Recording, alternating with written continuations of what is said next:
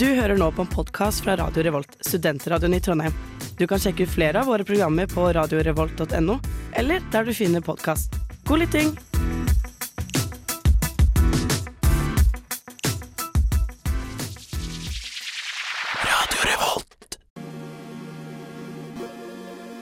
Det er farlig å gå alene.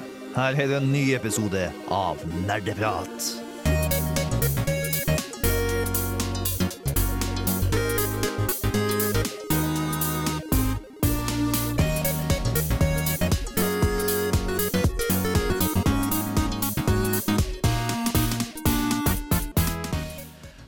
Alle sammen, og hjertelig velkommen tilbake til en ny episode med Nerdeprat. Det er herlig vær i Trondheim om dagen. Sola skinner, det er varmt, men hvem faen bryr seg? For i morgen kommer Selda. Nytt Selda. Let's go. Alt handler om Selda. Vi elsker Selda. Fucking go, baby!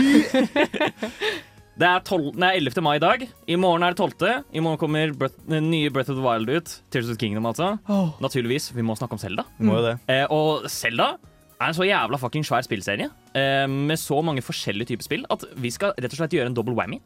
Vi skal ha Selda denne uken, og vi skal ha Selda neste uke. Masse Selda. blir dritbra. Double whammy. Mitt navn er Håkon.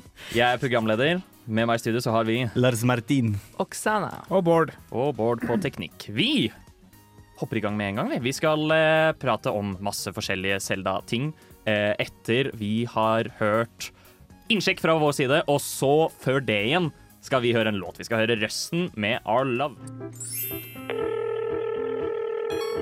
Moshi Moshi nerdeprates. Torsdag 57 på Radio Revolt. Du hører på Nerdprat. Klokka er litt over fem på en torsdag. Og du hører på Radio Revolt, til og med. Herregud. For en tilfeldighet, faktisk, at du skulle høre oss her. Så utrolig hyggelig. Ja, Veldig hyggelig. Ja. Vi starter som vi alltid gjør med å fortelle om hva vi har gjort og spilt eller hva enn siden sist. Jeg tenker vi kan starte med Oksana. Ja, eh, jeg skal prøve å holde meg kort, fordi at de tingene jeg vil fortelle, meg, fortelle tar veldig lang tid. Men OK, jeg for en uke tilbake eller noe sånt fikk jeg et spill av Bård, faktisk, Oi. i gave, som heter Calico.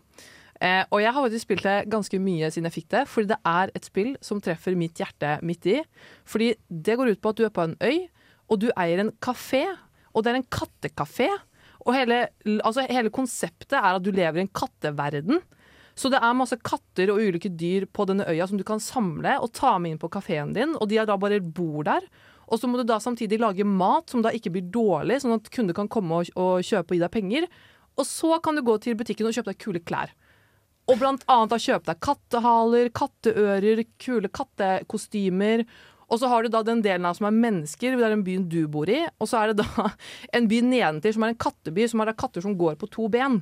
Og det er bare sånn helt sånn så obskure sånne kattereferanser gjennom spillet hele tiden. Som blant annet liksom at du har katter som er construction workers, og du må gjennom et område, men de er der, og de sover, og de er så slitne. Og så er det sånn, ok, hvordan kan jeg komme gjennom her? Nei, vi er sultne, gi oss en vaffel. Checks out. Ja, word. Um, viktig spørsmål. Er de faktiske katter, eller er det liksom bare mennesker med katteører og kattehaler? Nei, nei, altså det finnes både mennesker med katteører og kattehale, og så finnes det også Nei, stopp. stopp. Og så finnes det også katter som går på fire ben, som ikke snakker, som bare er kjæledyr, som du kan ha inne Oi. på kafeen din. Og så finnes det katter som er som vanlige katter, men de går på to ben, og de er, lever i en vanlig by. Og så har du også katter da som er sånn mer humanoid, som er en blanding mellom katt og menneske. Samfunnet i denne her høres veldig Ja, forvirrende Ja, hvor er det sosiale hierarkiet? Hvor er hierarkiet? Ja, jeg aner ikke. Altså, jeg skal si det sånn at Dette spillet her tror jeg, jeg altså, det, er, det er masse bugs. Eh, jeg faller gjennom mappet hele tiden. Ja. Det er ikke noe sånn der, liksom, høykvalitetsspill. Det er et helt sinnssykt godt konsept, men det må jobbes veldig mye med. Det føles som jeg spiller en alfaversjon, liksom. Du vet hvorfor du faller gjennom kartet hele tiden? Fordi Nei. katten har bygd kartet. Ha, ha, ha, ha. da var du Eh, morsom. og jeg vil egentlig anbefale alle å prøve det, for det er veldig gøy hvis du trenger å chille. Det er som Animal Crossing, bare, bare katter. Jeg tror ikke noen her i studio ville ha likt det, bortsett fra meg. Eh, for det er jo, du gjør jo ingenting annet enn å liksom hente folk kaffe og gjøre sånne små søte quest og samle på dyr. Og så nummer to, den andre tingen jeg har gjort. Jeg har sett en anime-film på kino i går som heter Suzume, som eh, Altså, Jeg skal ikke spoile den. Den er helt fantastisk. Den var kjempefin. Jeg begynte å gråte underveis under filmen, for jeg ble så rørt. Fantastisk animasjon. Det eneste jeg kan si, og dette blir jo vist i traileren, så jeg kan spoile likevel eh, altså Greia at han ene hovedpersonen blir jo til en stol. Og det som thrower meg off med denne anime-filmen, er at premisset er at dette er en sånn romantisk historie mellom en jente og en stol. Ja. Og da klarte ikke jeg å ta resten av filmen seriøst. Og ja, dere må bare Det er så mange ting i den filmen som jeg og han jeg så med, lo. Bare oss to, for vi var bare seks stykker i salen. Ja. Så vi lo, bare oss to lo av sånne morsomme små pervy-ting. Men anbefaler likevel den gå på kino fortsatt. Bare anvend den romantiske kjærligheten til platonisk, så, er det også, så handler den filmen om meg, faktisk. Fordi jeg elsker stolen min. ja. OK, ok. Ja. Ja. Nei, men Men stolen din snakker ikke, Håkon. Nei, den gjør ikke det. Nei, For da måtte vi tatt en prat etterpå. Og den titter ikke opp under kjøttet ditt. Anyway! Hva med, hva med deg, Håkon? Um, jeg har Å, jeg har spilt veldig mye Heyo. siden sist. Um, først så kan jeg starte med at jeg har spilt mer eh, Jedi Survivor. Mm. Det er fortsatt veldig bra. Ehm, spillet gjorde jo selvsagt en helt genial ting, som var at nå har du en airdash i tillegg. Oh. Så det er bare sånn OK, eh, all, all den kule freerunning, uh, hoppe, spredt sjohei du kan gjøre i Fallen Order, de, de ganger det med ti, liksom, i Survivor. Det er kjempebra. Mm.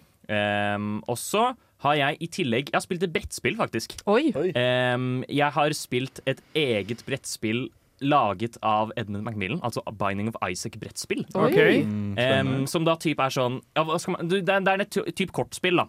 Em, hvor Det eh, er Four Souls du snakker om? Ja, Four Souls. Mm. Stemmer.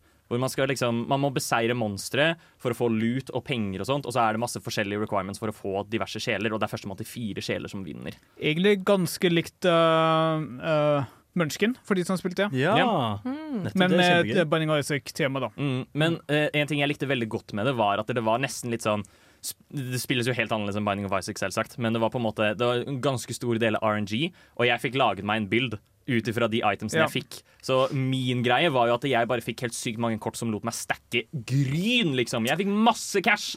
Som gjorde at jeg bare kunne kjøpe alle tinga. Eh, Thomas, som jeg spilte det med, eh, fikk jo ikke noen eh, gjenstander i det hele tatt, fordi jeg bare kjøpte alt. Mm. Ehm, det, var, det, var, også, det var veldig morsomt, men han hadde likevel en sjanse for å komme seg tilbake igjen. Fordi, eh, hva var det? Han drepte én fyr som ga han en sjel, og så drepte han en fyr som ga han to sjeler. Ehm, og så måtte han bare dø eh, for, å få, eh, for å ødelegge en kiste. For å få en, en sjel til, og da hadde han vunnet på én tur. Men Oi. det skjedde ikke, da, for han klarte ikke å dø. Det Ja. hørtes veldig komplisert ut. Eh, ja, det var veldig mye rundt det. Det siste er at jeg har spilt eh, Cult of the Lamb. Fordi Oi. Tai, eh, tidligere nerdeprater, var så snill at jeg hadde bursdag forrige uke, og da fikk jeg en gave Nei, av så hyggelig! Så jeg har spilt Cult of the Lamb, eh, laget min Colt uh, Waka Flocka, har jeg kalt den. Eh, det andre alternativet var Den katolske kirke. Eh, jeg liker det veldig godt hittil. Det er eh, søtt, sjarmerende, og- men jeg føler ikke det har startet ennå. Det er, det, det er fortsatt veldig sånn i nybegynnerfasen, hvor det liksom Det skjer egentlig ikke så mye. Eh, jeg har samlet meg en bitte liten kult på åtte stykk, Mm. eh, som eh, hjelper meg med å grave og hogge tre, og så bæsjer de rundt og As you do. Ja. As you do. Og så danset vi rundt en bonfire en gang, da. Em, mens jeg chanta ting. Det var, det var veldig gøy. Det er et Ja. sjarmerende spill hittil. Jeg liker det godt. Ja. Men mer oppdatering om det en annen gang. Hey er DJ MacLeod Banks. Du hører på Nerdeprat. Baku! Baka, og du hører på Nerdeprat. Eh, jeg bare gjentar det DJ McLeod Banks sa, fordi det er virkelig viktig å understreke at du hører på Nerdeprat akkurat nå. Du er Baka, baka. baka, baka. Em, Bård, hva har du gjort siden sist? Eh, litt forskjellig. Eh, det er en venn av meg som eh, nylig har spilt Phoenix Wright, som fikk meg også til å innse at vent, det fullførte jo jeg aldri. Oi, oi. Så jeg plukket det opp igjen, og så siste lagring var fra 2019. Hei, herrens år. Pre-covid. Uh, ja, stemmer. Uh, det er veldig gøy. Uh, et veldig bra spill som Nå Når jeg nå plukker det opp igjen, verker litt som frustrasjon. Det er litt av og til vanskelig å vite hvordan man skal fortsette spillet. For de som ikke vet, Phoenix Wright er en trilogi. I hvert fall det jeg spiller, er en trilogi av etterforskningsspill, hvor du spiller både en advokat og en slags etterforsker. En etterforskende advokat. Ja, altså det du gjør i Phoenix Wright er absolutt ikke innenfor eh, hva en advokat faktisk gjør Nei, i arbeid. Em, men det hadde ikke lagd for et like engasjerende Nei, videospill. det passer bra. Uh, av og til så stopper det litt opp, fordi du må vise spesifikke ting til spesifikke personer, eller spørre om spesifikke ting, eller finne en eller annen spesifikk ting i banen, og du kan ikke liksom gjøre det når som helst. Gjerne så må du ha gått gjennom en spesifikk dialog før du får lov til å finne fra den tingen og sånt. Og så fant jeg ut at eh, det var jo visse deler av spillet jeg hadde, hadde helt glemt, som gjorde det også enda vanskeligere å komme seg videre. Men nå tror jeg er på god vei. Jeg har kommet meg en etterforskningsstadie videre, så nå skal jeg ha en nytt, en ny rettssak, og så skal jeg vel sikkert til neste sak, tipper jeg. Ja. Uansett, eh, veldig bra spill som jeg anbefaler til alle og enhver. Ja, det er jo fordi du er da på Justice for All, det andre spillet. Spill nummer to, ja. Em, og vi diskuterte jo også det litt, at det er på en måte det er et spill som er sykt bra.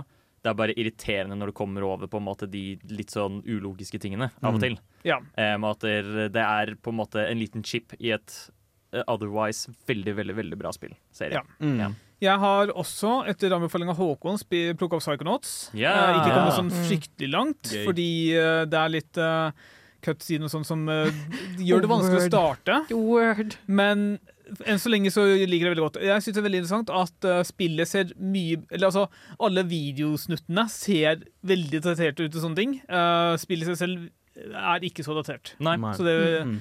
var veldig interessant å bare se det bare Å ja, nå kommer en videoklipp, den ser veldig eh, grå Altså fli- flimret ut. Og så bare, Ja, nei, veldig tilbake. PlayStation 2-grafikk. Ja. Det har jo det. Eh, naturlig nok, fordi det kommer jo ut på PlayStation 2 um, og alt mulig sånt. Men det er, altså Psychonauts gjør jo opp for det ved liksom alle de utrolig fantastisk kreative, Ja, gøye tingene. jeg gleder meg til å spille det mer. Jeg har kommet sånn tre verdener inn, tror jeg. Ja. To-tre verdener inn. Ja. Gleder meg til oppdatering. Hva med Lars Martin? Jo, Håkon, nå skal jeg fortelle her. Dette har vært en spilluke av bunner og topper. Jeg kan starte med toppen først. Eh, jeg snakka litt med Oksana om dette, men den nye sesongen av Demon Slayer er Ja. faen meg så sinnssykt bra. Ja, word. Og jeg gleder meg til søndag klokka fem, liksom, for Ja. da kommer det en ny episode.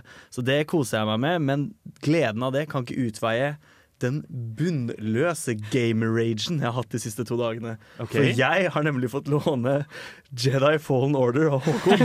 okay. Og jeg suger i videospill! Har jeg innsett nå.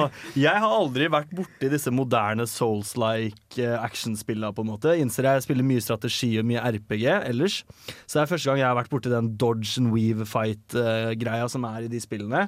Jeg spiller på Jedi Knight, som er normal. Medium vanskelig Jeg kommer til å bytte til story mode når jeg kommer hjem. mest sannsynlig.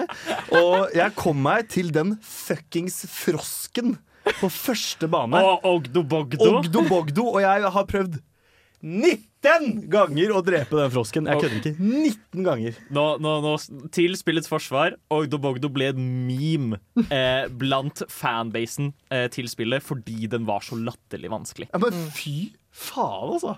Jeg har vært så sint. Jeg, Ja. jeg har hatt god gammeldags gamer-rage. Liksom. Jeg har sittet og skrek i stua mi. Jeg har vært sånn Helvete! Helvete!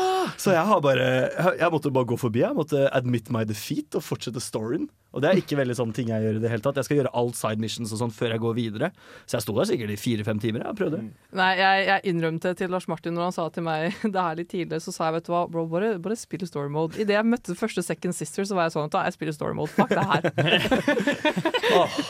Eh, ja, men du må vite at The Jedi Fallen Order er et spill som Det, det er meningen at du skal komme tilbake til planetene fortløpende gjennom okay. spillet. Ja, ja. Det er Så godt det å er, vite. når du møter Ogdo Bogdo på første planet, Ja. så betyr ikke at det er det du skal, du skal slåss mot han Mm, ja, første gang ikke du er der. Fuck, ass. Jeg- Det er meningen at du skal ta han senere. Jeg kjører sånn som jeg gjør i Soulsplit, jeg bare løper gjennom. Som Ja. as usual. Det er fort det jeg skal gjøre òg, da. Fordi det her går jo ikke. Det går jo ikke. Herregud, Pick, pick your battles. Pick your Ja, battles. Du må velge dine kamper. Eh, men sint. etter hvert så blir du sterk nok til å ta den jævla froskejævelen. Froskedrynet. Know Ja. my vengeance, frog. Bare spill i story mode. Vi her i Nerdeprat Labs har gjennom makeløs ny teknologi klart å gjenskape lyden av en ekte Reddit-bruker. Hør her. Eh, uff da. Ja ja. Ja ja, du får høre på nerdeprat i stedet. Ja. Em, vi kan meddele at vi, vi dropper nyheter i dag. Ja. Um, Det har ikke skjedd så mye. Nei, ikke skjedd så mye. Vi kommer tilbake med det neste uke. Men vi vil heller bruke mer tid på innsjekk, fordi Nerdprat har hatt en liten kose-chillekveld i lag. Um, da vi spilte en rekke spill, faktisk. Mm. En hel haug. Da var vi hos Lars Martin. ja, det var kjempekoselig. Ja. Ja. Har du lyst til å si det, eller skal jeg si det, Håkon? Du- Skal jeg si det? Vær så god. Jeg vant i Trivial Pursuit. Ja. Min ubeseirede streak i nerdeprat fortsetter.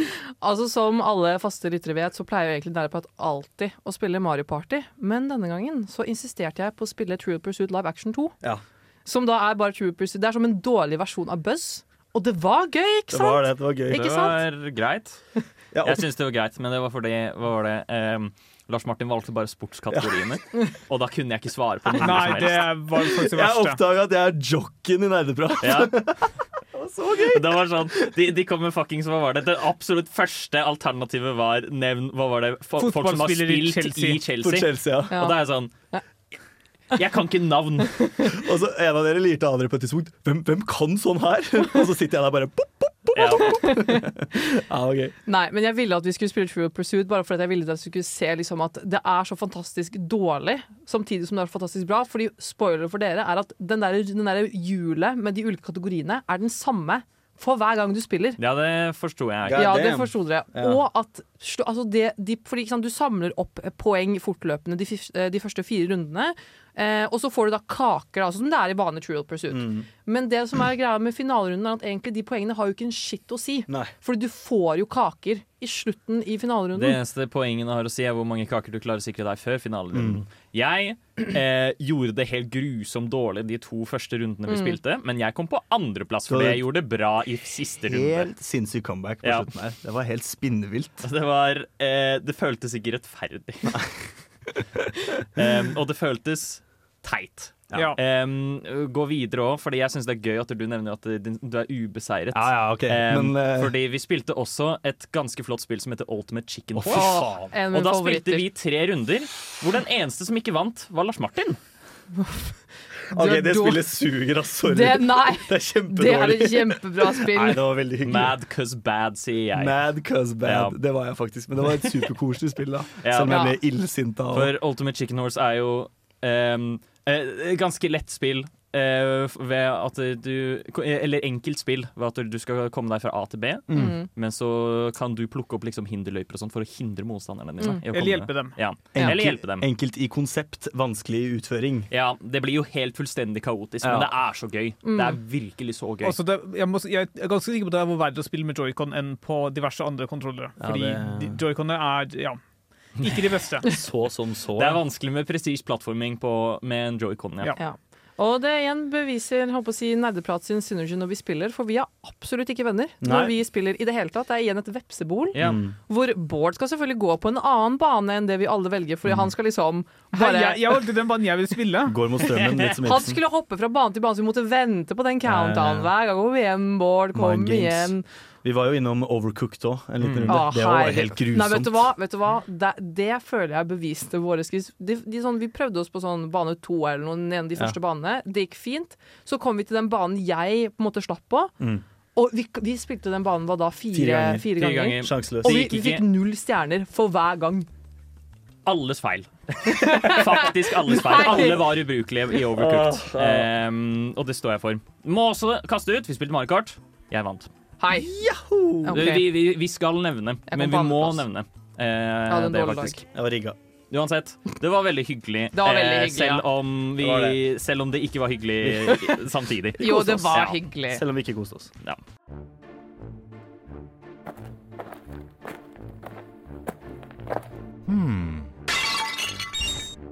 Faen, slutt å knuse pottene mine! Og vi er tilbake. Neideprat skal starte temadelen sin, der vi skal snakke om The Legend of Zelda. Wow, sjukt, ass. Hei! Listen! Følg med nå, lytteren, for nå skal vi snakke om Selda. Ja, hva er, egentlig, hva er egentlig greia med Zelda? Om vi bare starter der, da. For det første så heter han ikke Selda.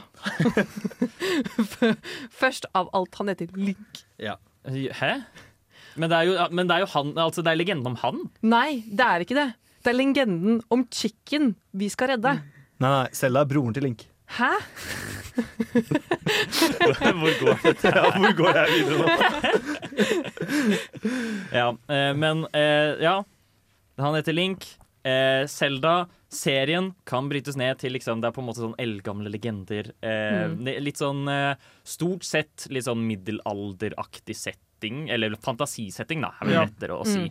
Um, der, det handler om at du som regel bare er en liten gutt som kalles Link, og du er alltid the destined hero. Mm. Og du skal redde prinsessen fra den onde Ganon, eller Ganondorf. Eh, Ofte er vel også Link litt utstøtt, eller altså på en eller annen måte da, forskjellig fra samfunnet Ja. han befinner seg i. Ja, Mm. Om vi eksempel tar Ocarina of Time, som vi ikke skal snakke så mye om i denne sendingen her, men eh, likevel et relevant eksempel. Han vokser jo opp med var det The Kokiri Kidsa, Mm. um, der han er den eneste som ikke har sin egen fe. Em, og alle kidsa mobber ham for det, og så viser det seg at ja, det er fordi han er ikke en Kokiri. Og spoilers for uh, dette Ja. 100 000 år gamle spillet. Håkon! Faen! Jeg tenker vi kan etablere nå at vi, vi Jeg syns det er greit at vi, spiller, at vi spoiler alt som er fra Legend of Zelda, mm, kanskje ved unntak av Breath of the Wild, men Ja. hvis du ikke har spilt det til nå, så herregud, da. Men timeline til Zelda er så fuckings convoluted uansett, så det Ja. går fint å spoile, Ja. for ingen skjønner noe som helst Ja. uansett. Em, vi skal komme mer om det etter hvert. hva, hva går egentlig spillene ut på, Håkon? Det er altså jeg føler Zelda-spillene kan brytes ned til egentlig en ganske enkel formel, selv om de på en måte er komplekse i spilldesign og alt det der. Men en enkel formel det er at det er du som Link må finne duppedittene, sånn at du kan få nok kraft til å stoppe slemmingen. Ja. Det er Og, basically og det som skjer. prinsessen. Ja. Ehm, og, og da er det gjerne sånn OK, du har en duppeditt på denne delen av kartet, og du har en duppeditt på denne delen av kartet, og du har en duppeditt på denne delen av kartet. Og når du da kommer til den delen av kartet, så må du gå gjennom en svær, eh, skummel, eh, det vi kaller dungeon, hvor du også får en gjenstand som kommer til å hjelpe deg videre i reisen og i den dungeonen. Så får du duppeditten, og så går du videre når du har fått denne nye gjenstanden.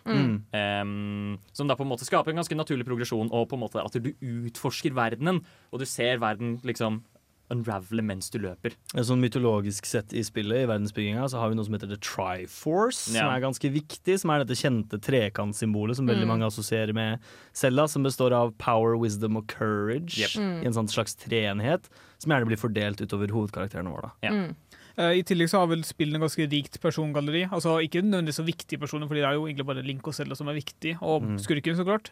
Men du har gjerne hjelpere underveis underveis som du da kan spørre om råd, eller som kanskje selger deg ting, eller som eh, du kan ha sideoppdrag. Zelda er veldig kjent for å ha mange sideoppdrag, Ja. hvor du Ja. da Mm. veksler inn ting for å få en eller annen ny ting, og så til slutt så får du da en Mm. veldig stor bonus. Fordi, ja, Det også er jo liksom bonustingen da, til Selda. Det er at det er i bunn og grunn målet ditt, samle duppedittene, men også at verdenen du er i, er som regel ganske levende. Det er veldig mye som skjer der, det er veldig mange folk som bor der, og det er mange skatter å finne overalt. Um, og disse skattene gjør deg også sterkere. Det kan være oppgradering til våpnene dine, det kan være at du får mer liv, det kan være at du kan kaste mer magi, sånn type ting.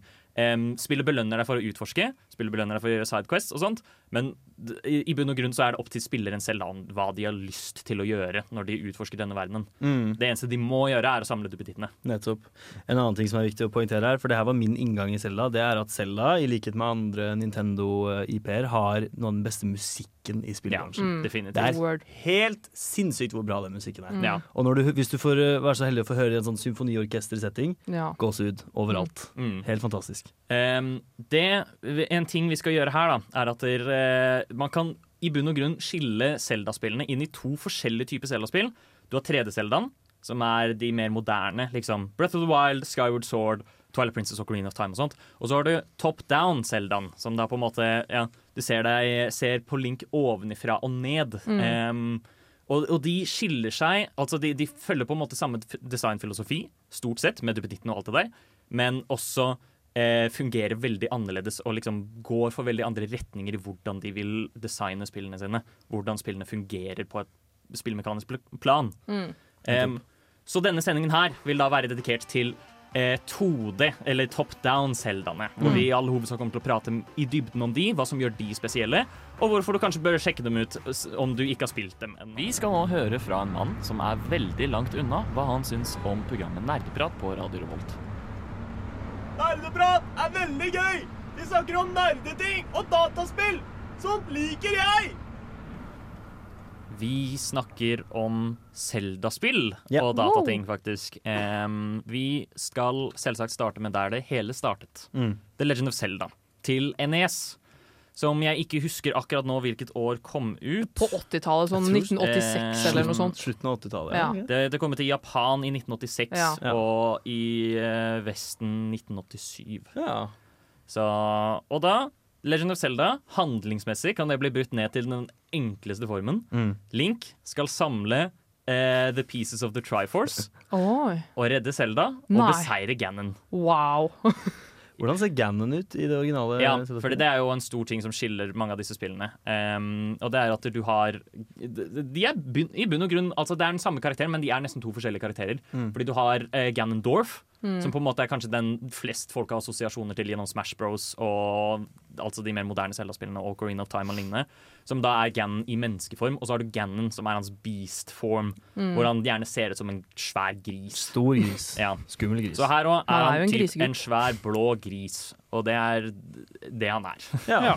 Um, ja, det, det er vel egentlig det jeg har å si Det om kler det. han, ja, ja, Ja. absolutt. Ja. Han, men han, han kler å være beist. Ja. Men det, og det, det, det er handlingen. Det er handlingen til The Legend of Zelda. Det Mm. er ikke så mye mer komplisert. Altså, det er jo mer law bak det, Mm. men det syns ikke jeg er så veldig interessant å gå inn på. Nei, og Det er jo her vi får møte veldig mange av de mest ikoniske tinga i Zelda for første gang. Mm. Spesielt The Master For Nei, Sword Force. Ja. Master Force, Master Mm. Sword. Ja. Ja, fordi spillet starter lenger av at du bare våkner opp utenfor en hule, og så kan du gå inn i hulen og få sverd av en gammel mann. Ja. Strengt tatt, ut ifra hvordan du definerer det, kan vi tolke dette som det første åpen verdensspillet. Oi! Oi.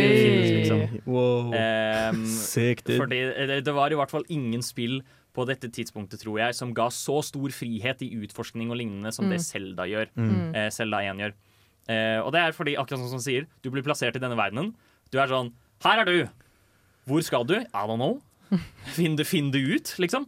Og da, og da får du beskjed om at du, altså du ser jo at du kan liksom gå opp, ned, høyre, venstre type eh, ja. Og så får du masse forskjellige rom da, Ja. eh, rundt omkring hvor du beseirer fiender og sånt. Og så øh, går du, og så skal du prøve å finne dungeons og bla, bla, bla. Du får også beskjed av nevnte pensjonist med våpen om at det er ganske farlig det her. da Ja. Så du må nesten ta med deg dette sverdet. Ja. Eh, Og det kommer jo inn over i fiendene vi møter i Zelda, som også går litt gjennom senere i spillet òg. Mm. Men som tar ganske enkle former i det første Zelda-spillet, om jeg ikke Ja. husker helt feil. Ja. Em, det er for eksempel, jeg tror En av de første fiendene du møter, er det som kalles en octorock. Ja. Som bare, de bare vandrer rundt eh, på linje, nesten. Og så skyter de steiner hvis de ser deg. ja. Um, og det er ikke noe verre enn det. Eh, og, og, og combaten nå er da ganske enkelt ved Mm. at du trykker på én knapp, og så stikker Link sverdet sitt ut. Etter hvert så får han nå evnen også til å skyte sword beams hvis han har fullt liv.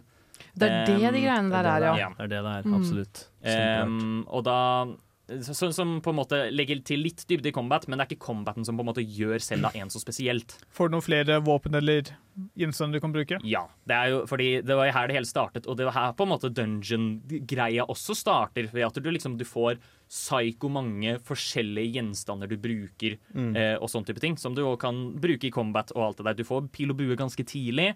Etter hvert får du bumerang. Etter hvert så får du også en flåte, sånn at du kan gå på vann eh, Ja. og lignende.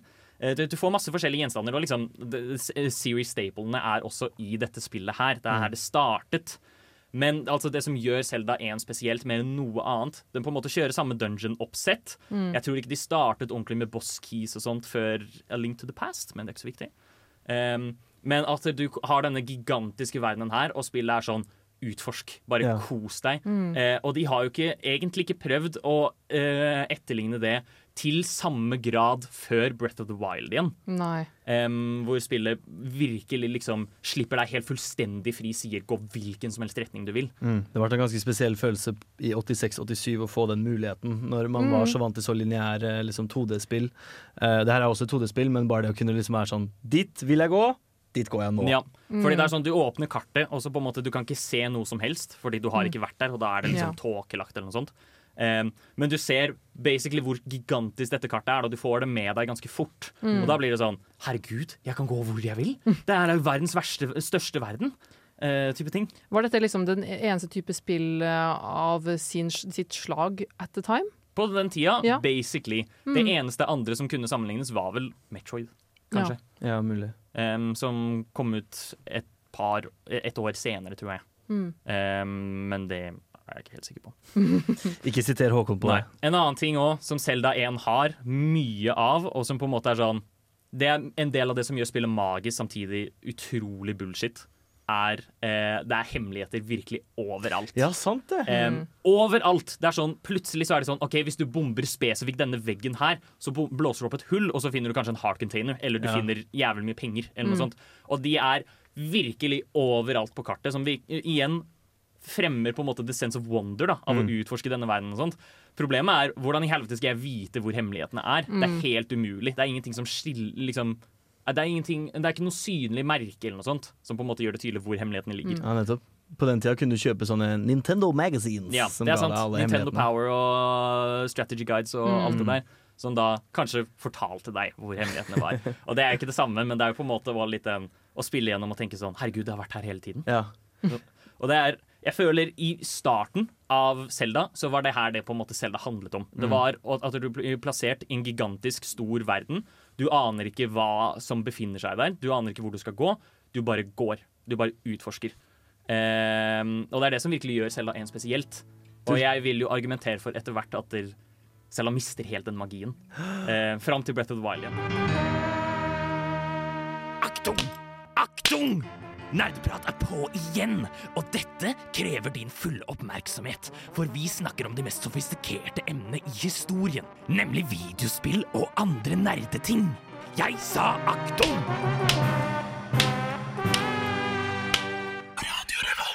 Du hører på Radio Revolt og Nerdeprat. Vi snakker om viktige ting. Nå skal vi gå over til å snakke om eh, det sorte fåret i egentlig hele Seldas spillkatalog. Virkelig. Eh, vi skal snakke om Selda 2, The Adventure of Link. Mm. Er det noen av dere som kjenner til dette? Nei. Så, så ikke Zelda's Adventure. Ikke Seldas Adventure. Ja, det er broren Det er viktig Det er viktig å presisere at vi prater ikke om CDI Zelda-spillene, fordi jeg tror ikke de er offisielle. Nei, det tok jeg heller. Nei. Ah, well, excuse me, princess. Men la meg bare få skyte inn her veldig snart. Jeg og Oksana rett før sending var begge enige om at det her vet vi veldig litt om. Mm. Så vi satt og så bitte litt på det.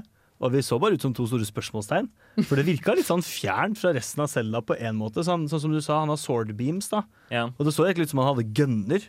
Det, det er jo mange av spillene som har det. ja, men det så så rart ut. For okay. Det var sånn 2D, sånn, det så ut som Ja, han hadde Fordi. Adventure of Link gjør jo en helt annen approach til eh, spillet enn det Selda 1 gjør. Okay. Selda 1 gir deg en gigantisk stor, åpen, fantastisk verden å utforske. Og Selda 1, nei, Selda 2 eh, er heller en sidescroller. Um, som og, Hæ? Ja, det er en Det er sidescroller hvor man òg liksom ja, har sidescroller combat à la f.eks. Castlevania Ja. eller lignende. Ok. Ehm, og det er veldig mm, liksom I lys av resten av spillkatalogen er det vel, dette veldig malplassert, fordi det er ingen Zelda-spill som spilles på Ja, det den er jo her. faktisk et stort for. Ja. Det, og det er veldig veldig annerledes. Og en annen ting som eh, The Adventure of Link er veldig kjent for, er at det er ubervanskelig. Det er et av de vanskeligste spillene som finnes. Sant det, ja. Um, og særlig i hvert fall um, siste bossen i det spillet, som har blitt en ikonisk fiende i senere tid, Dark Link, Mm. um, er òg kjent for å bare jukse. Han, han bare jukser. Han bare finner ja. Så du sier at eh, Links Adventure handler om at Link skal på en reise for å treffe seg selv og bekjempe seg selv. Finne seg selv. Ja, ja, altså sånn, jeg, for jeg er heller egentlig ikke helt så sikker på hva The Adventure of Link handler om. Nei. Det her er mitt blind spot i Zelda-spillene. Hvordan våger du? Men så det, så det på en måte fortsetter ikke der Selda 1 slapp, liksom? Det fortsetter ikke på storyline, eller gjør det det? Nei, jeg tror ikke det. Det, det det er vel ikke å ta under stein at uh, veldig få Zelda-spill fortsetter der det gamle slapp. De er veldig Ja, ja. frittstående og uavhengige i, på nesten alle måter. Ja, men, ikke sant, men Um, siden det heter altså Selda 2, på en måte. Right? OK, nå øh, Vet du hva? Kjapp faktaopplysning, kjapt Google-søk her. Ja. Eh, handlingen er at det er en direkte oppfølger, faktisk, Ja. til Zelda 1. Ja. Der eh, Link skal prøve å redde Zelda fordi hun har havnet under en so søvnspill. Å nei! Så hun skal prø han skal prøve å vekke henne. Er handlingen ved, ved å til spillet. slå Ved ved, å, ved å løpe gjennom eh, masse diverse ting, og sikkert samle duppedittene, da. Og drepe Dark Eh, som er Som tilfeldigvis er siste boss. Det har ikke noe sammenheng. Okay. Han bare dukker opp helt på slutten. OK, greit. Ja, Det er ikke så nøye. Men altså, det, det er utrolig rart, for det der er også sånn, altså, du beveger deg på en måte top down-perspektiv når du er i overworlden. Men så plutselig så kommer du da i liksom combat encounters à la Final Fantasy.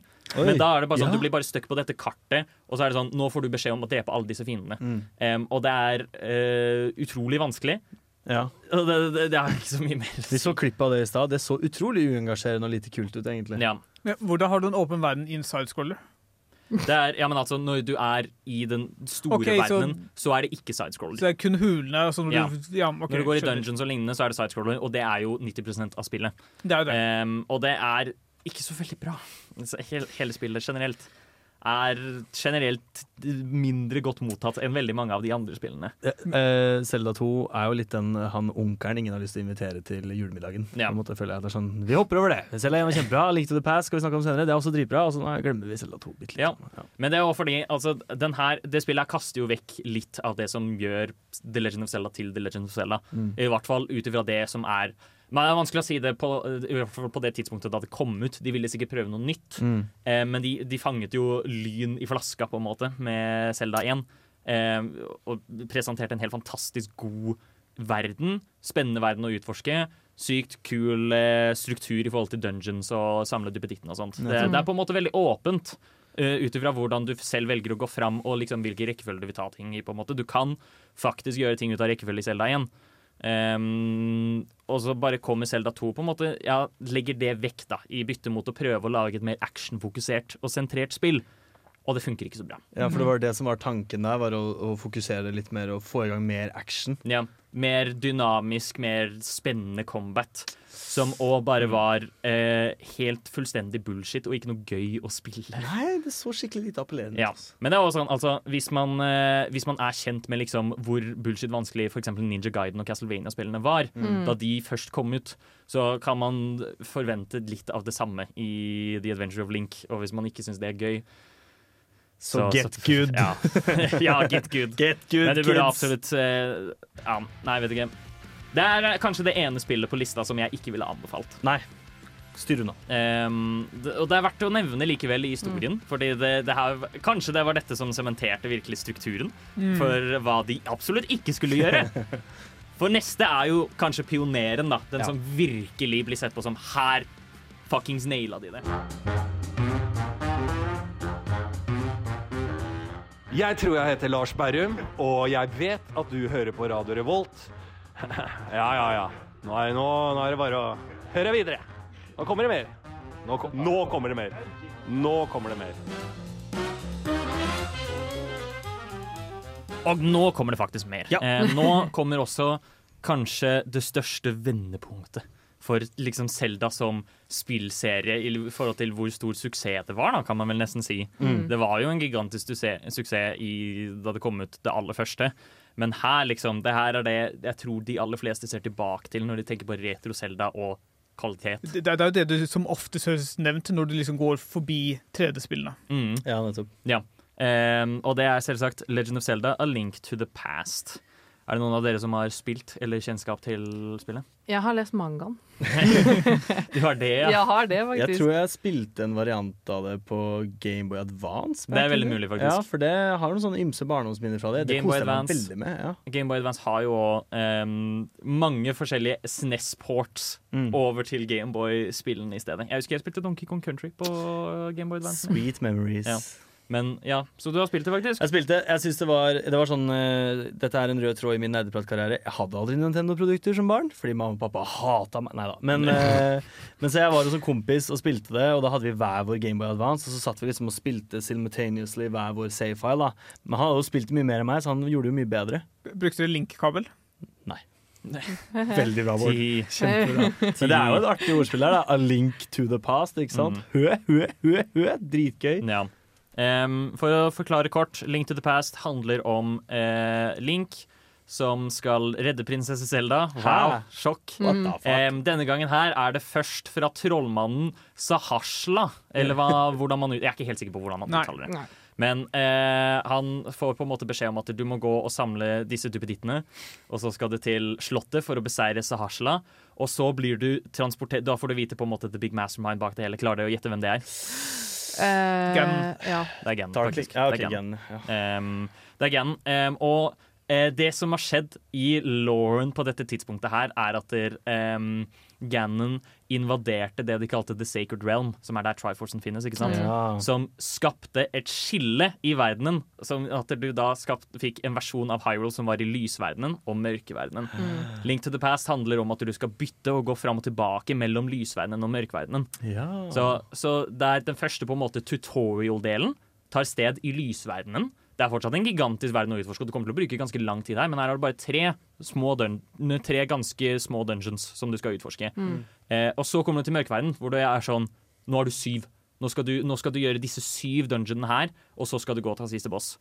Em, og når du kommer til Dark World, da åpner spillet seg veldig opp. Hvor du til og med kan gjøre ting uten å ha rekkefølge. Selv om de på en måte sier det her er én, det her er to, det her er tre. Du kan gjøre det egentlig ganske ut av rekkefølge. Og hvis jeg kjenner Selda rett, så er du ikke låst til å være der heller. Du skal vel kanskje gå fram og tilbake kontinuerlig. Ja. For det, det er også kanskje det som gjør uh, Link to the Past så sykt kult. Det er jo at der, uh, det stedet du er i lysverdenen, vil være helt annerledes i mørkeverdenen ofte. Mm. Ja. Um, så for eksempel det som kan være en liten sånn sandområde og sånt, blir en mørk sump uh, i mørkeverdenen.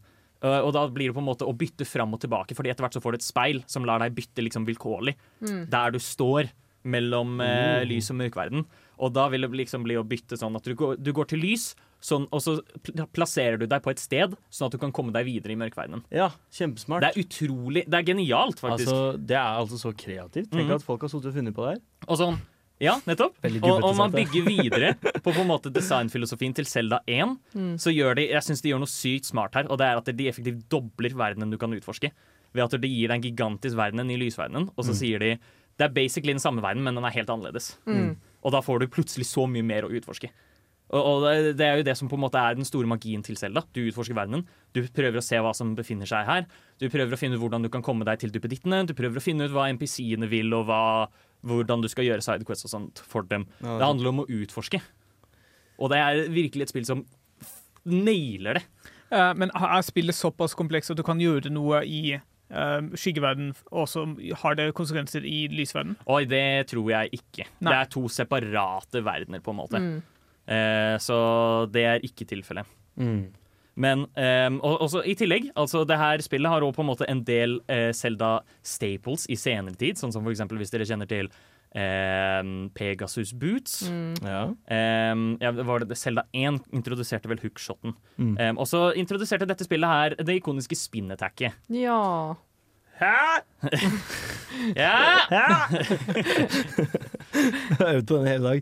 Eh, men det er jo Altså, det her pusher jo, for det her kom ut på Snes, gjorde det ikke det? det stemmer. push, høres ut som det pusher konsollen ganske hardt, egentlig. Det- det- det gjør jo det. Ja, Nintendo er flinke der på å liksom yte maksimum ut av Og konsollen. apro- når du sier det òg, fordi en annen genial ting med Link to the Past og det var sånn, ehm, Jeg satte ikke så pris på det da jeg var ung og spilte det, men nå, i voksen alder, så er det sånn Det er- det er helt sjukt at de fikk det til. Og det er at de simulerer en, De simulerer nesten en liten 3D-effekt. Eller ikke 3D-effekt, men liksom en sånn ehm, At det er layers, at det er plan. Ja. Ulike plan og sånt. Mm. Ved at der, eh, selv om alt er 2D, på en måte, så har du trapper, og du kan liksom hoppe ned andre steder og sånt. Og det er forskjellige nivå av høyde, som også skaper mye mer dynamisk dungeon design.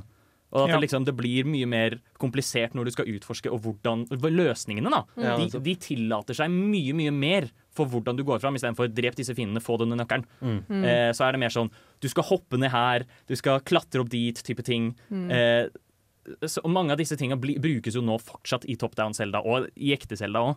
Mm. Det, det startet her. Shit, det er kjempekult. For et fundament. Ja. Det er, eh, og jeg anbefaler alle å spille Link to the Past, fordi det er et fantastisk bra spill. Martin, gutten min, du må komme deg middag! Å, mamma! Jeg kan ikke sette på pause nå! Jeg er midt i en heftig episode av Nerdeprat!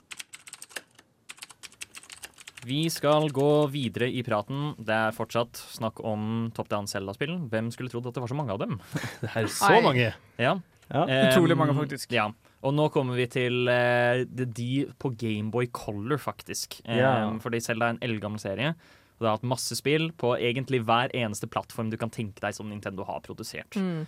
Eh, og vi skal da først snakke om Links Awakening. Ja. Bare kjapt nevne at det også kom ut i 2019 uh, på Nintendo Switch. Ja. jeg vet ikke hvor mange endringer som faktisk ble gjort, men det er den versjonen jeg har spilt, og jeg storkoser meg med det. Ja, det er på en måte eh, moderniseringen av det spillet kjører en liten sånn unik, søt tegnestil, hvor alle, på en måte, alle karakterene er på en måte eh, clay-figurer. Mm. Ja, det er veldig søtt. Ja. Det virka som det var litt i vinden å gjøre det for Nintendo på den tida, med alle disse Pokémon-spillene òg, som var litt sånn små og søte. Ja. Men, men særlig for Links Awakening så passer det veldig godt, fordi hele spillet er ganske whimsical og Det ja, tullete. Og det er jo fordi, altså Uten å snakke for mye om handlingen, fordi jeg mener oppriktig at det her er en av de beste handlingene i Zelda-spill, selv om man på en måte ikke ser så mye av det. Mm. Um, så er det bare Link våkner opp på en strand. Han har liksom nettopp havnet i en svær storm, Ja. og så får han beskjed om at han skal vekke The Windfish. Og hvem er The Windfish? Ja, det får du følge med på. Men det er jo verdt å legge merke til at det er liksom Jeg tror det er det eneste Zelda-spillet som ikke foregår i Harville. Det er I er hvert fall én av dem, Ja. tror jeg. Ja. Ja. Em, Hmm. Så og det, ja, den tar vel en uh, Colint Island, heter stedet. Mm. Um, som da, det er en helt liksom egen lukket del fra alt annet. Og så, når du spiller også, så møter du jo helt andre karakterer enn Zelda-karakterer. Du finner eksempel liksom en nesten litt sånn Mario lookalike etter hvert. Og så alle, det aller første området du er i, så er det en chain chomp. Eh, fra, altså det er bare masse Yes. Mario-karakterer overalt. Mm. Du møter også Wart, som er eh, siste boss i Super Mario Bros 2. Um, og han, han har en eller annen sånn eh, sang som han har lyst til å synge. Det er en sidequest som du kan gjøre. Ja. Uh, men det er bare liksom Det er et utrolig uvanlig, merkelig Zelda-spill sammenlignet med alle de andre. Men jeg kan jo kanskje si at uh, spillet gjør ikke så veldig mye nytt eller sånn veldig mye unikt, men det er liksom Det er bare et veldig bra Zelda-spill. Er liksom de, de, de gjør ikke noe særlig nytt, de bare holder formen stabil og lager et veldig bra spill ut av det. Mm. Det her er jo kanskje da det spillet som eh, Altså De prøver jo å fokusere litt mer på handling i A Link to the Mm. Past, men det her jeg mener de begynner å gjøre det interessant. Em, hvor de faktisk liksom klarer å lage en engasjerende historie, og i hvert fall sånn implikasjoner rundt Ja. i historien. Det er fantastisk kult. Mm. Uh, og det er bare et spill som Og det er nå som det er ganske lett tilgjengelig, og så vil jeg i hvert fall anbefale det. Ja, fordi det ble, som Bård sa, det ble remaka ganske nylig. sant? 2019. 2019. Uh, den spillestilen, hvor måten man spiller det spillet på, altså top down, sånn, eh, slå enkelt med sverd, sånn, det kan jo føles litt enkelt sammenligna med veldig mange andre trippel nei, A-spill, nei, for nei. Nei, ikke? Nei. Har du lyst til å utdype? Nei, bare at uh, Men altså, det, det tyder bare på at de har kanskje et annet produsentbudsjett, og de bare sier at ok, nå skal vi ha en litt mer lavterskel-spill. men altså ja. du har ikke en, liksom en hel fysikkmotor som kan, du kan gjøre hva du vil med, sånn som du kan med Breath of the Wild, men Mm. det, det, spillet er veldig bra likevel. Ja, så det underholder fortsatt, på en måte. det er samme som Metroid Dread. Det er, Metroid er et fantastisk bra spill, selv om de nå gjorde det 2D. Ja. Det er kanskje viktig å presisere her da, at ja, alle disse Zelda-spillene på en måte har enkel combat, Mm. men det betyr ikke at den er dyp. Nei. At det det ikke er fiender som krever forskjellige strategier og lignende. Ja. Det er fortsatt en del strategi involvert når du slåss. Mm. Og særlig og Link's Awakening har mye av det. Og Link to the Past har også mye av det. Mm. Um, ja. Ja, for det er litt lett å se på det og tenke sånn Ja, OK, nå går jeg inn i enda et nytt rom med sverdet mitt. Det er fra meg som ikke har spilt Link's Awakening, da, på en måte. Ja. Kanskje litt brannfakkel. Jeg syns det så bitte litt sånn simpelt ut, og det er Mm. kanskje det, men det er vel noe gøy i the simplistic nature, holdt jeg på å si. Altså, Zelda er jo designa for å være simpelt. Mm. Altså, det skal være mulig for barn å gjennomføre det, og det er jo ikke- er gjennomgående i alle spillene. Ja. Men ja, altså bare fordi du har ikke for eksempel eh, kampen fra Skyward Sword hvor du kan Hvor du må liksom bevegelseskontrollen for å velge hvor du skal se fra. Ja. Men altså, du, du slår bare én retning, men allikevel så er det jo dypt i forhold til at du har forskjellige gjenstander du kan bruke, og du kan fortsatt gjøre ting med fysikkmotoren som ikke er ment. Mm, Jeg tror kanskje også eh, Link's Awakening er veldig gode der. Altså ehm, eh, Link to the Past for øvrig også, men særlig Link's Awakening, i at hver eneste gjenstand du har, er nyttig i combat. Ja. oh, ja. ja, for det er godt gjort. Ja. Mm. Og så, så må da igjen det skaper liksom et helt annet nivå av hvordan du går fram. Fordi det er sånn Du kan gå bort og liksom trykke mashe B, og da slår du med sverdet ditt hele tiden. Ja. Men det er veldig mange andre ting du også kan gjøre. Ja. Men, men nei, jeg tror aldri jeg liksom slet i vanlig kamp, Nei men det er heller ikke meningen. Nei, nettopp. nettopp. Nei. Det er jo et, det er et Altså, Zelda generelt er jo et spill som trives i liksom, av best med et godt level-design. Ja. Det skal være det, det er fokus på dungeonene, fokus på verden.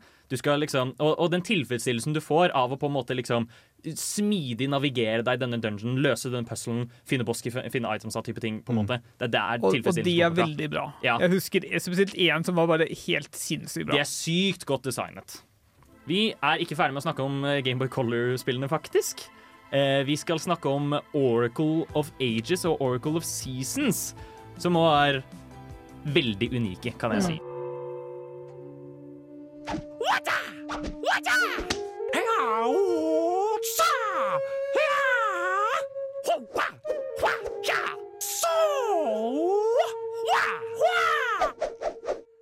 Nerdeprat.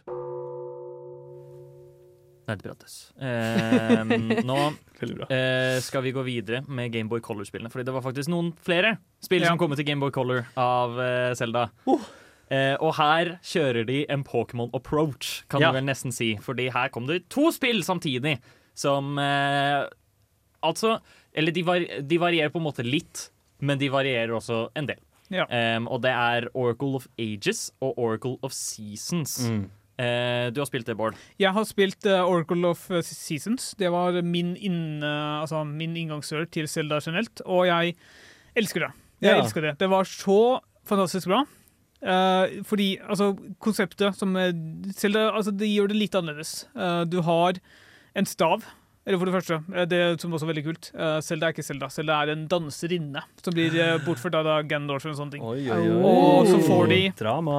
en lavaverden til å liksom ish slå seg sammen med en eh, Eller det, det er en, liksom jordens undergang, nærmest, hvor det, det skjer ting med lavaverdenen og det skjer ting med liksom vanlig verden. Mm. Så opp til deg å da finne fram til henne Selda. Ja. Og det gjør det ved å kunne bytte mellom årstider, men også av og til å bevege deg inn i denne lavaverdenen, hvor det er lavamennesker. Jeg vet du navnet på dem? Nei. Nei. Det vet jeg faktisk ikke. feberdrøm. Ja, det er, det er en slags feberdrøm. Det er definitivt det. Men det at du har så mye spillerom, da Ja. Det at du har Fordi ved å bruke den staven, du kan gå på en stubbe, og på den stubben så kan du bruke staven, så kan du da bytte til vinter, Mm. vår, sommer, høst. Og alle de årstidene har unike aspekter. For eksempel på høsten så kan du plukke soppene, og de soppene vil da blokkere veien videre. Så når du da å- låser opp høstsesongen, altså muligheten å bytte høst, så er det først da du faktisk kan plukke opp soppene. Wow. Om våren så blir det noen blomster som kan skyte deg opp. Uh, om vinteren så er det så klart noe snø som kanskje kan hjelpe deg å komme deg videre, eller Ja, ja. blokkere deg fra å komme deg videre. Og det, hvor, eh, hvor hyppig kan du bytte mellom årstider? Ja, Som ofte du vil. Uh, hver gang du kommer til sånn stubbe som du kan stå på, så kan du da bruke den staven så mange ganger du vil. Har du spilt det nylig, Bård? Nei, det her er fra gammel barndom. Way back. Gammel barndom. Way, way back. Ja, i, i, motsetning da, så er Oracle of Ages, altså som tittelen sier, da får du en harpe som lar deg å bytte mellom tider. Ja. Altså at du kan gå til fortiden og du kan gå til framtiden og slikt. Um, og kanskje uh, en ting som er viktig å understreke her, er at de har på en måte lignende mechanics og sånt, men de skiller seg også en del i og med at det er helt forskjellige dungeons. Mm. Um, og eh, Oracle of Seasons er mer actionfokusert og gameplay-fokusert, mens eh, Oracle of Ages er mer sentrert rundt puzzles og lignende. Okay. Et større fokus på på en måte ja, problemløsning og lignende, mens eh, eh, så, så du kan nesten se på det litt sånn at Oracle of Ages er kanskje mer lik Links Awakening, mens Oracle of Seasons er mer likt det første Selda. Ja. Um, på den måten, fordi det blir på en måte et mye større fokus på Ja, det blir et slags skille der, da. ja. Mm. Så dette, kom dette, eh, vet noen andre om dette kom bra fram i markedsføringa? på en måte? Jeg ser for meg å være Hvis du er litt sånn action-dude, og så får du brått et puzzlespill, så er jo det litt uh... Ja, det var vel ikke umulig så store forskjeller. Det er jo veldig Zelda Altså, jeg la i hvert fall ikke merke til det. Jeg bare jeg husker ikke engang om jeg kjøpte selv, om jeg fikk det i gave eller hva det Jeg bare hadde Zelda-spill, og jeg oppdaga at det her er jo fantastisk. Ja. Mm. Var dette også første spillet som induserte det at du måtte låse opp en dungeon? Nei, det har kanskje sikkert vært tidligere også. Eh, ja, det, det, vet jeg faktisk ikke. Ja, det kan hende. Ja. Uh, jeg tror ikke Hadde Links Awakening det? Ja, ja, det hadde det. Ja, nettopp. Mm. Uh, og det, er- det er jo et spill som på en måte bygger veldig mye på det Links Awakening hadde gjort allerede, Mm. men introduserer sine egne nye mechanics og lignende. Og det er på en måte her også, Du ser jo nesten det der med bytte mellom tider og årstider og alt det der. Det er jo òg liksom inspirert fra Link to the Past, Ja. sin Light World, Dark World-ting igjen. Mm. Du på en måte du bytter mellom tidene og årstidene og alt det der Og- for å komme deg videre. Og det å kunne gå i den lavveien, fordi lavveien er jo også en slags snarvei mellom steder som du kunne ha i uh, Links Awakening. Links Awakening har du mulighet til å reise overalt, men det har du da i, også i Oracle Seasons ved at du kan gå gjennom denne veien da, Mm. for å Ja. komme av steder du egentlig ikke kunne komme tidligere. Mm. Det er et sykt smart eh, designet spill også, og det er på en måte sånn eh, Selv om de ble lansert samtidig, så er det på en måte Her er det, det er faktisk grunn nok til å kjøpe begge to, er jeg ganske sikker på. Fordi de skiller seg en del. Jeg har nå lyst til å plukke opp eh, Oracle of Ages. Ja. Mm. It.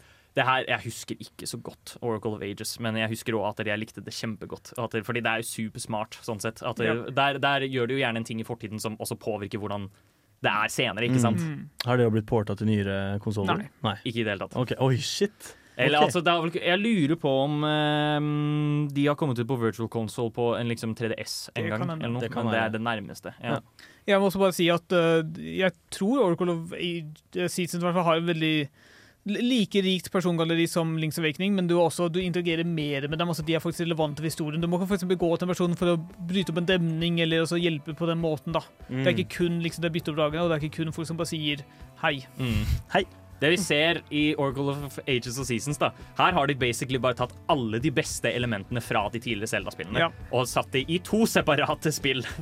Ehm, men fortsatt, liksom de, de, de begynner å skjønne da hva er Zelda. Ja. Og her har det liksom Det er veldig godt merke på liksom at de har skjønt hva Selda Hva definisjonen Mm. er.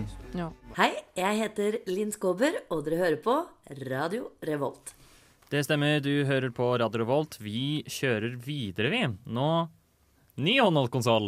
Nå går vi fra Gameboy Color til Gameboy Advance. Oi. Og vi skal da snakke om The Legend of Zelda The Minish Cap. Er det Ja. noen av dere som kjenner til dette spillet? Dette er et klassisk spill hvor jeg aldri har rørt det noen gang, men jeg vet veldig godt hvordan det ser Mm. ut. Og det er fordi Link har en veldig søt fugl på hodet sitt, som jeg syns er veldig søt. Eh, Bård har kanskje mer enn Nei, meg. jeg hadde dessverre aldri en Gameboy Advance. Min uh, Gameboy-historie slutta med Gameboy Color og starta igjen med 3DS. Oi, det var et lite hopp. Ja, ja, Ja. uten tvil. Og så har jeg gått glipp av veldig mange av disse eh, eksepsjonelle spillene her. Mm. Jeg leste mangaen, jeg. For det fantes manga det her òg.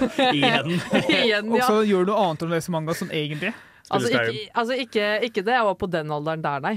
Hvor det var uh, billigere for mamma å kjøpe 100 kroners manga enn å kjøpe et spill til meg. Word, helt ærlig. Mm. Ja, ja, ja. Støttes. støttes. Uh, Minish Cap da, eh, er faktisk i Zelda-kanon uh, det andre Zelda-spillet på Mm. tidslinjen. Jeg tror det. Um, og uh, tar eh, Link i kontroll. Uh, altså Link er helten igjen og skal nå stoppe uh, trollmannen Vati. Um, som òg er en original karakter her. Ja. Dette spillet her var utviklet av Capcom, faktisk, som vi har hatt snakket veldig kjærlig om de, Kjærlig de, om. de siste månedene, egentlig. Mm. Um, og de har jo òg laget et veldig kompetent Zelda-spill her. Og det som kanskje skiller Minish Cap mest fra alle Zelda-spillene, er jo faktisk evnen til at han kan ta på seg denne lua, og så kan han krympe eh, seg ned til liksom mini, mini, mini Bitte, bitte lille. Ja, Veldig, veldig liten størrelse. Mindre enn en choo-choo. Nanolink. Um, hæ? Nanolink. Nanolink. Bitte lille link. Um, og, og, du, og du bruker denne funksjonen på liksom, Det er dedikerte plattformer, nesten, som Mm. lar deg krympe deg. Uh, og så vil du bruke disse for å for komme deg gjennom en dam som du vanligvis ikke ville kommet deg over. Ja. Eh, som et eksempel. Uh, og, og, det òg. Det skaper jo òg liksom Nå føler jeg meg som en broken record her, men det utvider verdenen. Igjen. Ja. Du har så mye mer å utforske. Fordi nå har du eh, Du har et miniaspekt også, hvor du utforsker verden. Du utforsker bare den bitte lille gressletta utenfor huset ditt, eksempel, liksom. Det gjør du nå i Selda. Ja. Eh, Minish Cap. Og, og en ting jeg også liker veldig godt med Minish Cap, er at de på en måte Den aller første bossen du slåss mot, eksempel, er en helt vanlig grønn choo-choo.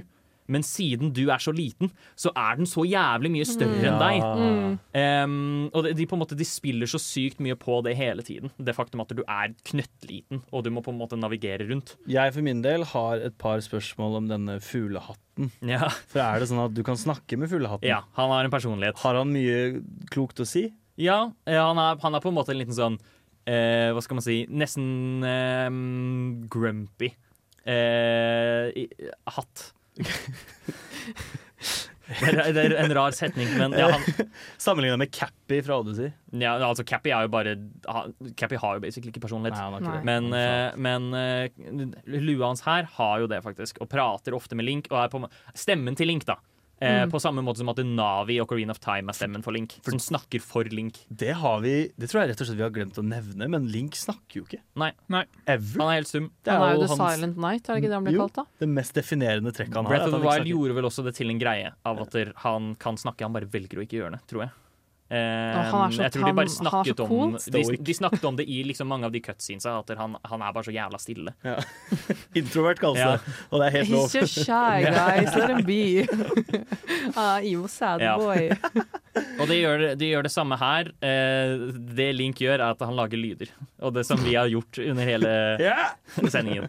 Um, samme her. Eh, katten, katten, sier jeg. Hatten snakker for han. Mm. Men hvor er Ganon Charles Ganondorf i opp alt det her? Eh, Er er han er vel ikke med i dette spillet her i det hele tatt. Han har tatt seg en pause. Ja, Det er et av de få spillene hvor han er helt Han er borte. Um, Tastatur på Granka. det er jo komplisert i forhold til Zelda-tidslinjen og sånt, men Mm. spillet før dette var Skyward Sword. Da var jo ikke Ganon en ting ennå. Um, da var en, en annen Da var en et annen skapning som vi kan snakke om når vi snakker om Skyward Ja. Sword neste uke. Mm. Um, men her er det altså Vati, som er en helt annen karakter. Um, og har sin egen personlighet, quirk og alt mulig ting. Jeg, har ikke lyst, jeg skal ikke snakke så mye om det, fordi jeg husker egentlig ikke så mye om han. Og det er fordi han er Men han har blitt på en måte et lite ikon. Eh, til tross for hans egentlig Det, det eneste spillene han er med i, er eh, Minish Cap og Four Sword-spillene, som vi ikke Mm. snakker om her. Nei. Um, og han, han, han er der, på en måte. Og han er der for å være ond og liksom sende mørket over eh, Hyrule og lignende. Og det er stort sett det. Han fyller rollen av en skurk. Han ser jo litt ut som en eh, ganske goth-versjon av Link. da Link gone wrong. Link eh, med en uheldig opplevelse på ungdomsskolen. På en Ja. måte Det er jo ikke helt eh, Link som ikke er resilient. Ja. sånn sett så gir han på en måte en annen perspektiv eller annen vinkling på skurken enn det man vanligvis ser i Zelda-spillene. Ja, nettopp. Fordi da er det jo som regel enten så er det ikke noe skurk, eller så er det en stor, ond gris. Og her er det en liten emo goth-kid. Ja da! Yeah! Let's beat him up! Endelig gamerrepresentasjon i Legend of Zelda. Å, helvete! Jeg må forte meg! Det er en ny episode av Nerdeprat. Det kan jeg ikke gå glipp av.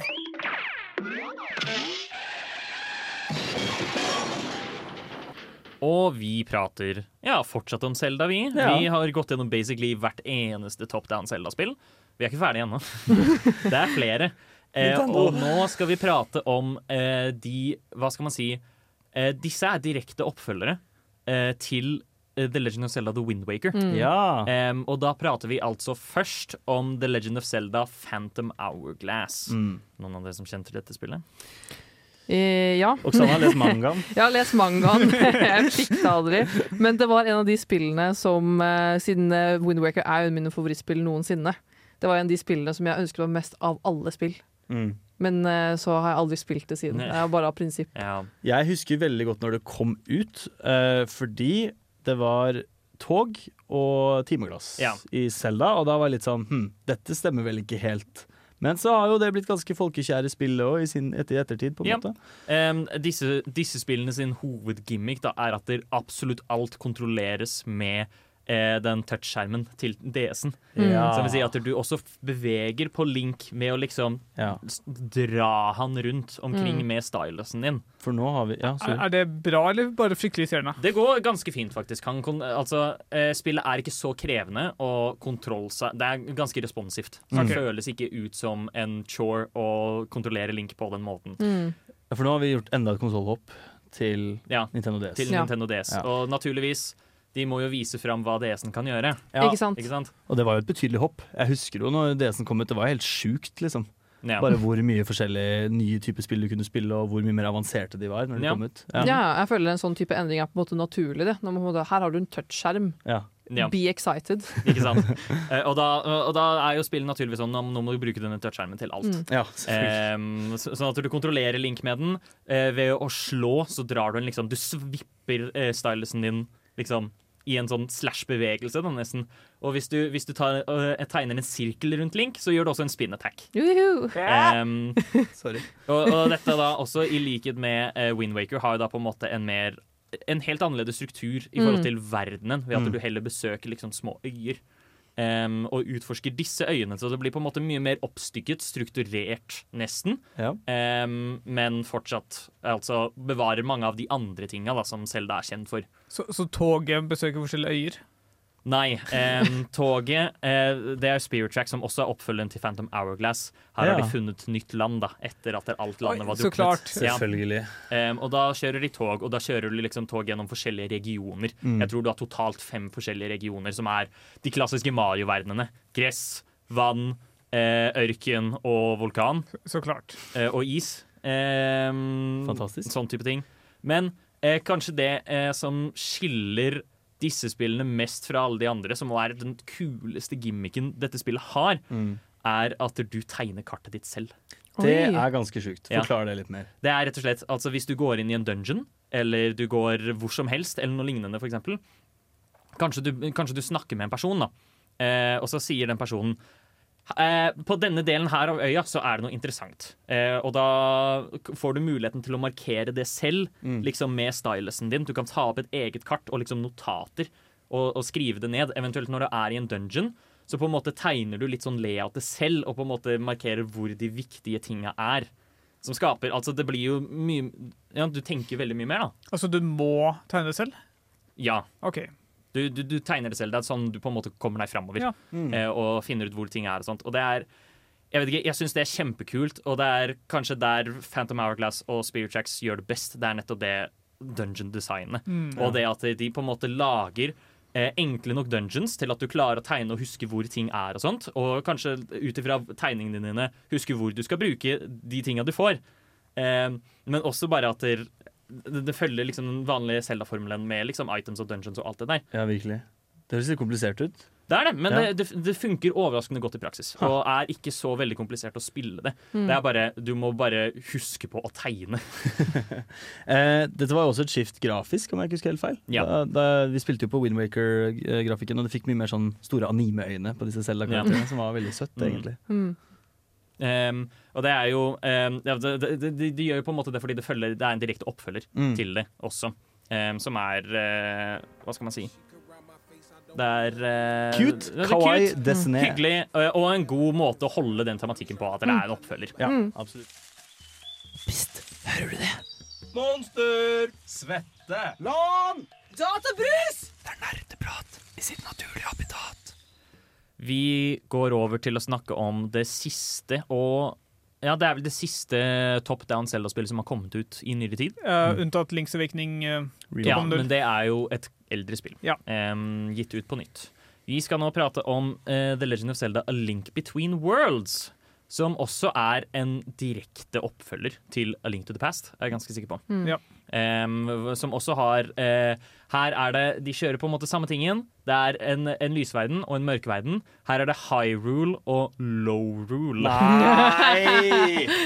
Det er ikke greit, Nintendo. Og, og spillet er jo bygd opp på akkurat samme måte. Du gjør tre templer først, og så har du mulighet til å da komme til da denne eh, andre verden, og kan da utforske ting begge steder Ja. etter det. Eh, første boss er vel mot skurken i spillet, Mm. om jeg husker rett. Altså Yuga, som er en Mm. trollmann som ligner mistenkelig på Gandorf. Yes. Åh. Ehm, Og vi får se hvordan det går med historien. Men uansett, Og da blir også Link forhekset til at han kan bli et maleri. Ok. Så han kan gå inn i veggen, og så kan han på en måte Og han kan bruke dette for å navigere rundt. da Mm. eh, Og han kan også bruke denne malerievnen til å gå inn i sprekker som tar han til mellom high rule og low rule. Um, Men er low roll det samme som dark world? Ja, basically. ok. Jeg hater at det satt noe i et boardroom og var sånn Gutta, hva med low rule? En ting som er interessant med dette, da, eh, dette spillet, er at den faktisk kjører en slags Dark World counterpart til Zelda og Link. Okay. Eh, d- sånn at du, du møter eh, Princess Hilda istedenfor Princess Zelda når du kommer til den mørke verdenen. Um, som på en måte De forklarer egentlig aldri helt hva som skjer der, om jeg husker rett. Eller så gjør de det, og så bare husker jeg det ikke. Jeg husker ikke. Um, men uh, Så det er på en måte Det er fortsatt Dark World, men den er også ganske annerledes fra Dark World samtidig. Og Mm. for hvordan reglene fungerer. Mm. Uh, det som kanskje er kulest med Link Between Worlds, er at de kjører en fullstendig overhaul av hvordan items fungerer. Okay. Ja. Em, ved at i stedet for at du får itemsene i dungeonsene, så trenger du itemsene for å komme deg inn i dungeonene. Okay. Og måten du får disse på, er at i huset ditt, eller rett ved huset ditt, så er det en fyr som heter Ravio, og han kan låne deg bort gjenstander. Ja, Du bor egentlig bare i en butikk, og han kan låne bort gjenstandene, ellers så tror du du kan betale bare mye mye mer, og så kan du eie dem permanent. Ja, fordi da er det sånn, du, du, du låner dem, og hvis du dauer, så mister du dem. Ja. Eh, men eh, dette gjør jo at du effektivt kan ta alle dungeonsene i hvilken som helst rekkefølge du vil. Mm. Ja. Som, som eh, skaper en utrolig åpen struktur, hvor det er sånn OK, jeg har lyst til å gå dit nå. Jeg har lyst til å ta det i denne rekkefølgen, på en måte. Vil det si at bossvanskelighet er jevnt over det samme? Omtrent. Ja. Eh, men, men det funker overraskende bra. Eh, og, og det er virkelig et av på en måte Link, Link Between Worlds er et spill som fikk veldig stor anerkjennelse, men veldig lite oppmerksomhet, føler jeg, da da det Mm. kom ut. Eh, og jeg tror det var sikkert fordi de forventet at det kom til å være litt av det samme som Link to the Past. Ja. Men selv om det på en måte tar, er ganske likt det, så, så skiller det seg også så veldig. Og Nettopp. særlig denne malerifunksjonen. De er så smarte med det. De klarer til og med å inkorporere det i bossfights. Oi. Ja, Um, det er ut utrolig bra gjennomført. Ja. Som er, ja, det er bare utrolig kreativt. Det er litt sånn, bare en sånn generell tanke om alt vi har snakka om i dag, er at uh, for min del så har jo alltid disse top down Zelda-spillene vært på en måte en sånn B-plott til 3D-spilla. Altså Ja. en, sides, et, en annen tanke, da, et sidestykke. Uh, men nå innser jeg at jeg har gått glipp av en verden av gøy og Ja. kreativitet Mm. ja, men jeg tror kanskje uh, Vi skal prate definitivt mer om dette neste uke når vi skal snakke om 3D-Zelda-spillene. Mm. Men det som kanskje skiller disse spillene fra hverandre mest, er jo at de top down Zelda-spillene er på en måte mer fokusert på liksom den mer contained verdenen og puzzles og lignende og sånt. Eh, mens eh, 3D er mer sånn action. Eh, det er litt Ja. sånn mer sånn epic. Mm. Eh, en slags epic, ja. Ja. Av eh, hvor den store, flotte verdenen og alt det der. Og på en måte Særlig Breath of the Wild er jo mindre fokus på at det liksom hver, hver del av verdenen er en liten contained puzzle. Der er det bare sånn du utforsker, du går. Gjør det du vil. Um, men det skal vi snakke mer om neste uke. I am not a king, I am not a god, I am. Nerdeprat på Radio Revolt. Og vi er ferdig for i dag. Wow. Men tune in, kjære lytter, for neste uke skal vi Mm. prate om mer Zelda. Vi har pratet om hvert eneste top down Zelda-spill utenom eh, de multiplayer-spillene, Mm. Ja. som er sjukt. Og til da har vi jo da fått spilt litt Tears of the Kingdom. Ja. Så da kan du forvente prat om eh, selvsagt de store Ocarina of Time, George Mask, eh, Twilight Princess. Twilight Princess Wind Wind Waker, Waker. Skyward Sword, Breath of the Wild og ikke minst Tears of the Kingdom. Ikke minst. Oh, yeah. ikke De store spillene Dette har vi ventet lenge på. Ja. For en sending det skal bli. Eh, avslutningsvis, noen tips? Eh, på så har du mulighet til å kjøpe en pakke med Capcom-spill, blant annet Monster Hunter Rise og Phoenix Wright og Street Fighter. Sjekk det ut hvis du syns det er kult. Og jeg skal anbefale en YouTube-kanal som heter Gamemakers Toolkit, som har da spillserien Boss Keys, for de av dere som syns det er interessant å snakke om Zelda level design og dungeon design. Mm. Spennende. Mm. Det var alt vi hadde for i dag. Nå får dere Thundercat og Tame Impala med No More Lies. Ha det bra. Ha det! Du har lyttet til en podkast på Radio Revolt, studentradioen i Trondheim. Sjekk ut flere programmer på radiorevolt.no.